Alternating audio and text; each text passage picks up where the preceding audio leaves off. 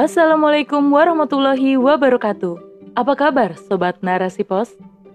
Kali ini bersama saya Giriani di rubrik Opini. Narasipos.com Cerdas dalam literasi media, bijak menangkap peristiwa kunci.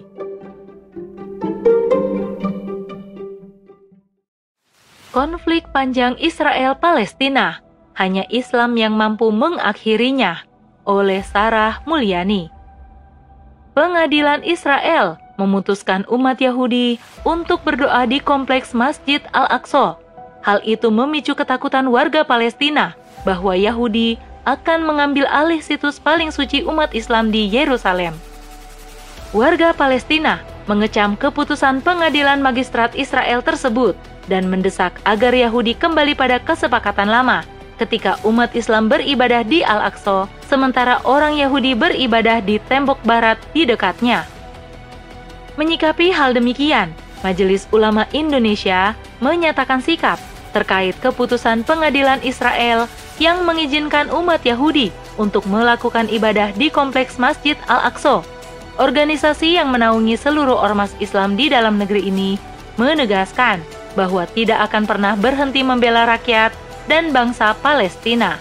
Harapan hidup tenang, aman, tentram, dan damai rasanya mustahil dirasakan oleh warga Palestina yang terus saja dijajah oleh Israel.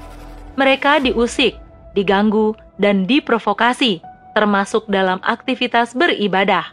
Pergolakan panjang antar Palestina Israel ini bermula dari dokumen deklarasi Balfour yang dikeluarkan Perang Dunia I lebih tepatnya pada 2 November 1917.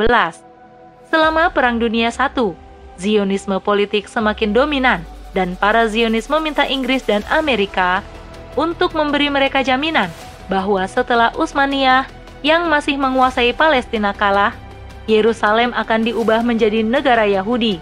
Usaha para Zionis membuahkan hasil.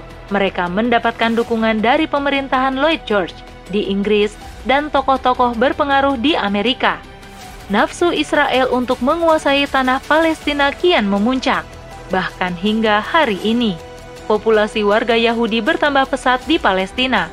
Pemukiman-pemukiman Yahudi terus dibangun di tanah Palestina secara ilegal.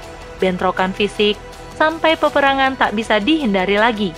Media pun tidak pernah sepi dari pemberitaan ulah-ulah Israel yang mengusik warga Palestina. Konflik berkepanjangan ini sudah pasti menjadi perhatian seluruh dunia. Disebutkan Perjanjian Oslo sebagai upaya menjembatani perdamaian Israel-Palestina, yaitu dengan mewujudkan dua negara di tanah Al-Aqsa. Harapannya, dengan solusi ini mampu menjadikan Yahudi dan Muslim Palestina hidup berdampingan. Namun, dilihat dari sisi mana pun, ini sama sekali tidak menguntungkan umat Muslim Palestina. Buktinya, sampai hari ini wilayah kekuasaan Palestina semakin menyempit akibat wilayah yang diduduki Israel terus bertambah. Diperkuat lagi dengan keputusan pengadilan Israel yang mengizinkan umat Yahudi berdoa di kompleks Al-Aqsa. Hal ini sudah cukup memperjelas bahwa mereka tidak akan merasa cukup dengan solusi dua negara, tapi mereka akan terus berusaha meraih tujuannya, yaitu menguasai seluruh tanah Palestina menjadikan kompleks Masjid Al-Aqsa menjadi milik dua bangsa, justru akan mengintensifkan provokasi Israel atas Palestina.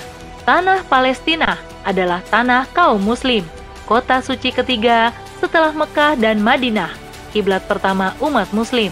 Sehingga seluruh umat muslim wajib mempertahankannya untuk tetap berada dalam pangkuan umat muslim. Allah Subhanahu wa taala berfirman yang artinya Nabi Musa alaihi salam berkata, Wahai kaumku, masuklah ke tanah suci Palestina yang telah ditentukan Allah bagimu, dan janganlah kamu berbalik ke belakang karena takut kepada musuh. Nanti kamu menjadi orang yang rugi. Quran Surat Al-Ma'idah ayat 21 Konflik Israel-Palestina tidak akan pernah berakhir kecuali dengan dihapuskannya eksistensi Israel di Palestina. Hanya saja, Hal ini tidak bisa terlaksana apabila mengandalkan organisasi dunia seperti OKI atau PBB. Karena dengan organisasi tersebut, solusi yang ditawarkan hanyalah resolusi, gencatan senjata, solusi dua negara, dan lain sebagainya.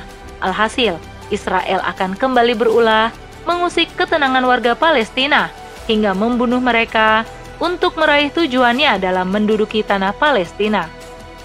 Oleh karena itu, untuk mengakhiri konflik ini sama sekali tidak bisa mengandalkan organisasi dunia. Satu-satunya instansi yang mampu mengakhiri konflik ini adalah pemerintahan Islam yang akan menyatukan umat muslim seluruh dunia dan akan membantu umat muslim di mana pun yang tertindas. Hanya dengan pemerintahan Islam yang disebut dengan khilafah, umat muslim memiliki pemimpin yang menggerakkan tentaranya untuk mengusir Israel. Dengan demikian, tidak akan ada lagi yang berani mengusik umat muslim. Sebagaimana yang dilakukan oleh Sultan Abdul Hamid II dan Panglima Salahuddin. Kisah yang sangat terkenal saat Sultan Abdul Hamid II diminta oleh negara kafir untuk menyerahkan sejengkal saja tanah Palestina. Maka, dengan tegas Sultan Abdul Hamid II menolaknya dan lebih memilih memerangi orang-orang yang hendak mengambil tanah Palestina dari kaum muslim. Imam atau pemimpin adalah junah, yaitu perisai bagi umatnya. Artinya, pemimpin menjadi bagian terdepan untuk melindungi dan memenuhi segala kebutuhan kaumnya secara berkelanjutan. Sebagai perisai, Khalifah akan mengambil sikap tegas terhadap Israel, yaitu dengan memerangi dan mengusirnya, sebagaimana yang telah Allah perintahkan dalam Al-Quran. Perangilah mereka, niscaya Allah akan menyiksa mereka dengan perantaraan tanganmu dan dia akan menghina mereka dan menolongmu dengan kemenangan atas mereka, serta melegakan hati orang-orang yang beriman. Quran Surat Al-Ma'idah ayat 14 Hanya dengan menghapuskan eksistensi Israel, konflik ini akan berhasil diatasi. Hanya dalam kepemimpinan Islam, Israel secara tegas diperangi dan diusir dari tanah Palestina. Oleh karena itu, satu-satunya solusi untuk mengakhiri konflik ini adalah dengan menerapkan Islam sebagai sistem kehidupan. Wallahu a'lam bishawab.